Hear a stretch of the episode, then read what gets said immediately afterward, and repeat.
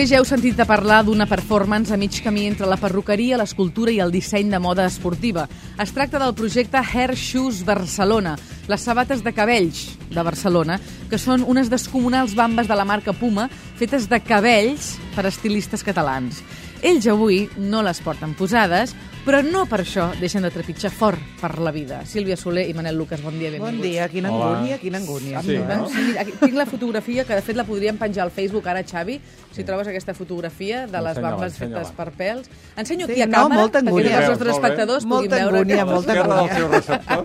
Només la idea ja fa angúnia, per això, eh? Com ha anat la setmana? Bé, bé, bé, bé, en aquest clima que estem una mica Mm. convuls, no? Però, vaja, bé. Bé, bé. Hem de trobar coses positives, eh? Sí, de tant en tant a la i tant, setmana, i tant. Sí? Perquè si no entrem en la Doncs psicosi què? de que les Espera. coses va... No!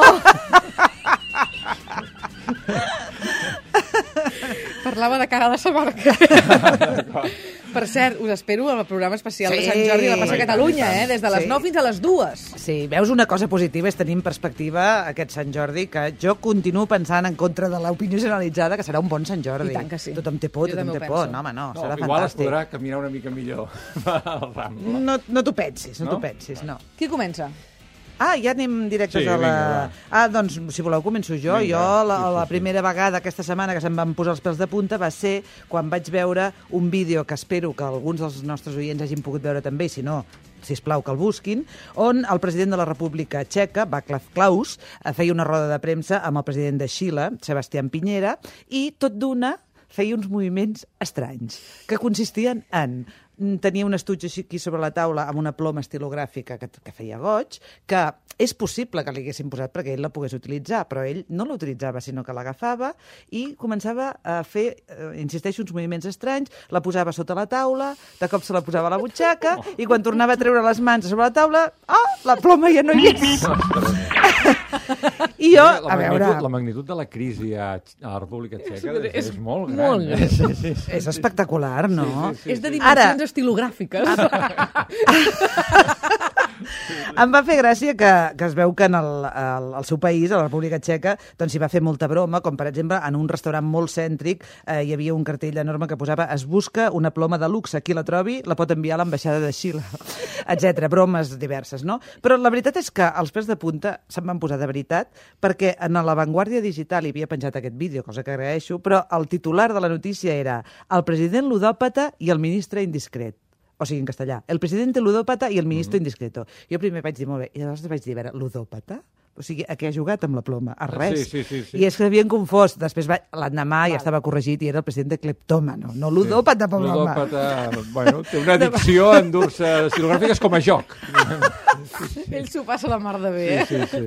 La veritat és que feia angúnia les imatges, eh? Sí, sí, sí. A mi, a mi bueno, m'ha posat els pèls de punta, em va posar els pèls de punta a veure dijous tota la plaça de Sant Jaume plena de gent que protestava contra un govern que porta només 100 dies Mhm.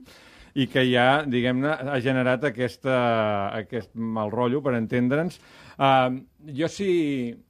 És a dir, em posa els pèls de punta a veure que hi ha aquestes protestes um, i, a més, crec que no són protestes només de sindicats, sinó que el, la setmana va començar amb un vídeo que havia penjat en la web del Col·legi de Metges.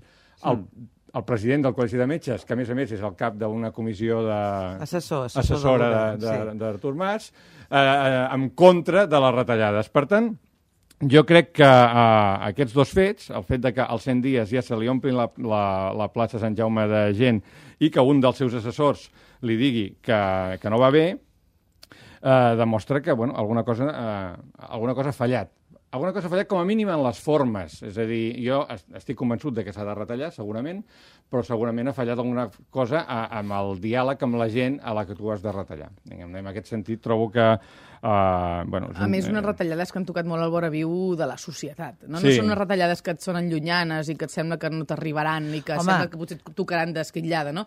Dius, ostres, la sanitat, no? Dius, Sanitat. A l'Hospital Ah, Municipal de Badalona, que tinc al costat de casa i passo per davant cada dia, hi ha a l'entrada una pancarta enorme que diu no us poseu malalts, Sí. no ens deixen guarir-vos. Em sembla a, que és la a Vall frase. d'Hebron hi ha un altre que és molt semblant. esclar, cada Sí, sí. matí, quan passes per davant, dius, ai, ai, la, gent ai. del, la gent del sector van rec- reconeixen a, a que sí, que realment pues, s'ha de retallar, però que si, el, diu, si ens ho comenteu a nosaltres, jo, ja us direm, però Veurem no es pot com. retallar i tal. Mm. I, I jo crec que el diàleg a vegades falla amb les, amb els poders públics i sempre que les coses s'intenten fer sense diàleg, doncs acaben passant coses com la de dijous passat. Um, ens en anem a Venècia? Us sembla bé? Sí, bé, bé, Vinc. bé. Potser, eh, no dic que no, no ho vull negar, potser influïda pel fet que el meu fill aquesta setmana estava a Venècia, em va Ah. posar els pèls de punt Vas de saber que, el, que el pont de Rialto s'estava enfonsant. Ostres, No, a veure, ara ric, però, però a veure les coses com siguin. Es va enfonsar una columna del pont de Rialto que, pas, que passa damunt del gran canal de Venècia, és un, un pont del segle XVI, famosíssim, un centre d'atracció turística impressionant. No va passar res, uh -huh. però no va passar res perquè el tros de columna que va caure estava en un lloc poc transitat. Però vaja, la cosa no, no fa gaire gràcia, no?, perquè sabeu com està eh, al centre de Venècia de, de turistes. El cas és que aquest pont necessitaria una rehabilitació urgent, això fa temps que s'està dient, però no hi ha diners per fer-ho, no? Es demanen, l'Estat no té diners, han buscat esponsos privats i no hi ha manera. Però realment el que em va impressionar és que la patronal de les petites empreses artesanals i el Consorci de Treballadors del Marbre de Venècia s'han ofert per restaurar aquest pont gratuïtament. I a més a més, no només això, sinó que han dit, i a més a més no necessitarem finançament perquè un hi aportarà el material, l'altre hi aportarà un, un, un, la mà d'obra, els altres un petit finançament, però només demanem que se'n se descompti l'IVA de totes les obres, no? I que se'ns facin els permisos d'una manera àgil. Bé, doncs, a veure, el fet de no cobrar l'IVA, la legislació diu que és impossible, la legislació italiana, i de moment això no es pot moure. ja. Que fins aquí dius, a veure, potser sí que si comencéssim a fer excepcions, doncs la cosa es desmadraria.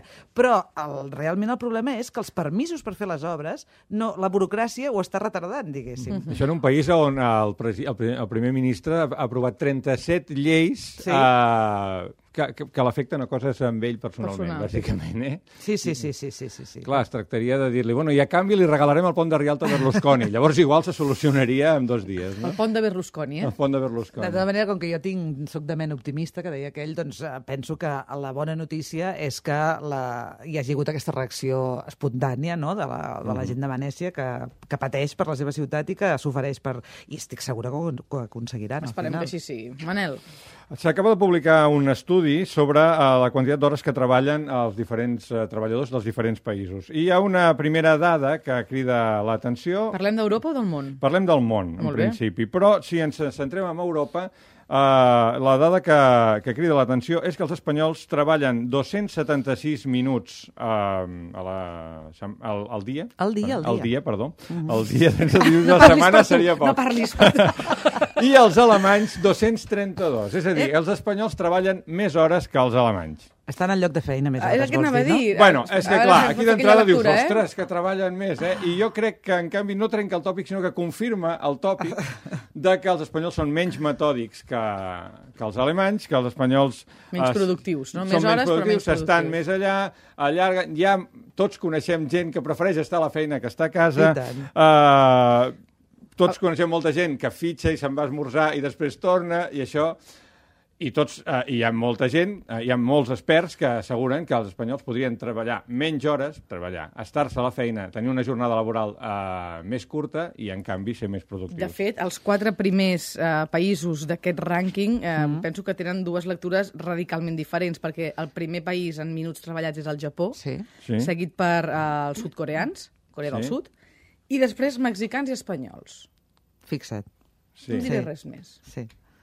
Sí, sí. No diré sí, res sí, més. sí. No, no, In- és que- Intentarem fugir Ah. una mica dels tòpics Sí, de, sí, sí, sí, sí. dels Fes-ho, mexicans fes-ho. ajaguts amb el, amb el barret tapant-se la cara fent la migdiada, però No, no estava realment... pensant en No, no, això, no, eh? no, No estava no. pensant en aquesta imatge, però sí que és curiós els quatre Sí. primers, eh? Sí, sí, Perquè sí, sí, segurament, eh, com a mínim el Japó i Corea Sí. del Sud crec que també eh, aprofiten les hores que treballen per una Eh, qüestió cultural, sí, també, eh? Sí, sí, almenys sembla que sí. Sí, sí, sí, sí. Continuem, Sílvia. Continuem. Uh, evidentment, perquè no pot ser d'una altra manera, m'ha posat els pèls de punta que Telefònica hagi anunciat que mm, probablement acomiadarà en breu, uh, en breu, en 3 anys, en un termini de 3 anys, el 20% de la seva plantilla, que serien entre 5.600 i 6.400 treballadors.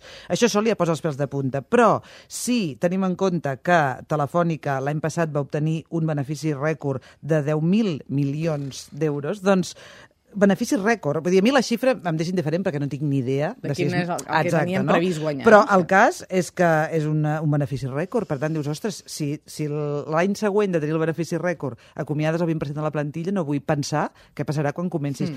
Suposo que per tenir aquests beneficis rècords els anirà molt bé prescindir del 20% de la plantilla, dic Sí. jo. Però ja els tenen, no? Sí, Però ja els han tingut amb Clar. aquesta plantilla. Els han tingut amb aquesta sí. plantilla. Bé, en volen tenir més, és evident, no? O, o volen mantenir com a mínim això. Un escàndol. Un escàndol, efectivament. I altres notícies que han arribat durant la setmana, que jo les he anat anotant, no amb ànim de que ens enfonsem en la misèria tots plegats, però sí que, que realment posa els pèls de punta, com per exemple que hi haurà un ERO de 600 empleats a l'empresa Bimbo, que PC City tancarà eh, i ho ha anunciat de sobte eh, a la, totes les seves empreses a l'Estat, 34 bot ai, empreses, botigues, perdó, 34 botigues a l'Estat, 6 a Catalunya, a Catalunya eh, això suposarà eh, 200 acomiadaments.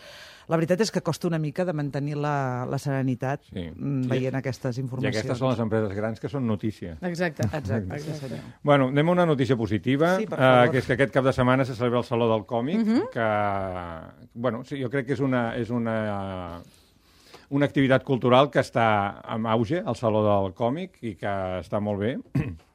Però, malgrat tot, jo eh, crec que amb això del còmic hi ha un problema. Continuem dient cada vegada que el còmic està arribant a ser un art eh, o un eh, esdeveniment cultural de primer ordre, però ho continuem dient com si fos una novetat cada vegada, cada vegada, i jo crec que, malgrat tot, continua, continuem dient-ho amb la boca una mica petita. Ja. Crec que no ens ho acabem de creure, no ens acabem de creure que el còmic realment és un producte al mateix nivell que pot ser el cinema, que pot ser la literatura, i no sé per què. Uh, la veritat és que jo no sé per què. Jo sóc lector de còmics no molt, uh, no, no, no, molt, no molt fanàtic, diguem-ne, ni, ni amb grans coneixements, però bueno, vaig llegint-los.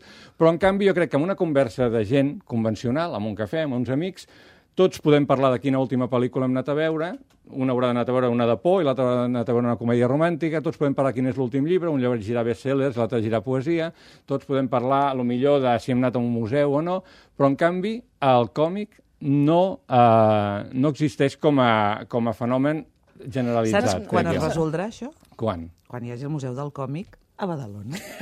Veus? Ja estava. És així. Sí. Escolta, en el Saló del Bueno. Còmic ja hi havia un estant parlant del futur del Museu del Còmic a Badalona. Eh, és no sé probable. quan tindrem diners Bueno, per Jo crec que és fer-lo. probable, però jo crec que també el dia que tingui, eh, hi hagi intel·lectuals de prestigi reconeguts o, o tertulians Mm. que ens- llegeixin còmic fal- i en parlin el dia a dia... I Ens que el falta còmic... una, una, un coixí de tradició eh, per llegir còmics, perquè requereix un, Sí. un cert llenguatge Bueno. i una certa lectura que els, els més joves ja gairebé porten incorporats, Sí. perquè és una lectura més audiovisual, en el fons, perquè vas de vinyeta en vinyeta. Els més adults, doncs, si no és que tens una curiositat eh, pronunciada, és difícil que sàpigues fins i tot triar un bon còmic, perquè jo vaig a la secció de còmics i no sé ni per on començar. Però, escolta, Sí, sí, tots clar. som fills del TVO i de...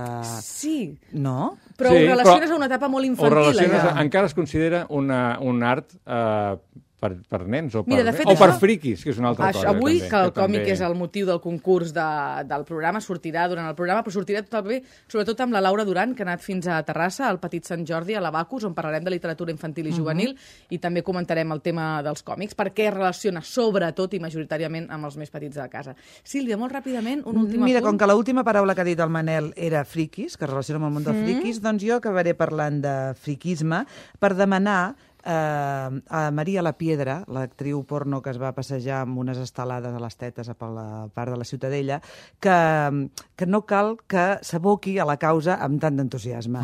Jo no dubto... A la causa independentista, A la causa independentista. no la d'ensenyar les no tetes. dubto de la seva bona intenció. Però és que no només va fer això que tots van poder veure, sinó que quan va rebre algunes crítiques, ella s'ha defensat dient que els que la critiquen són quatre re- reprimits pobres d'esperit, i ha dit que això és el que m'ha esbarat més, que demana la implicació de més famosos com ella, textualment cometes, a la causa independentista. Jo dic que no cal, vull dir No. que ja ens, de veritat, no cal, no cal, no cal, simplement això.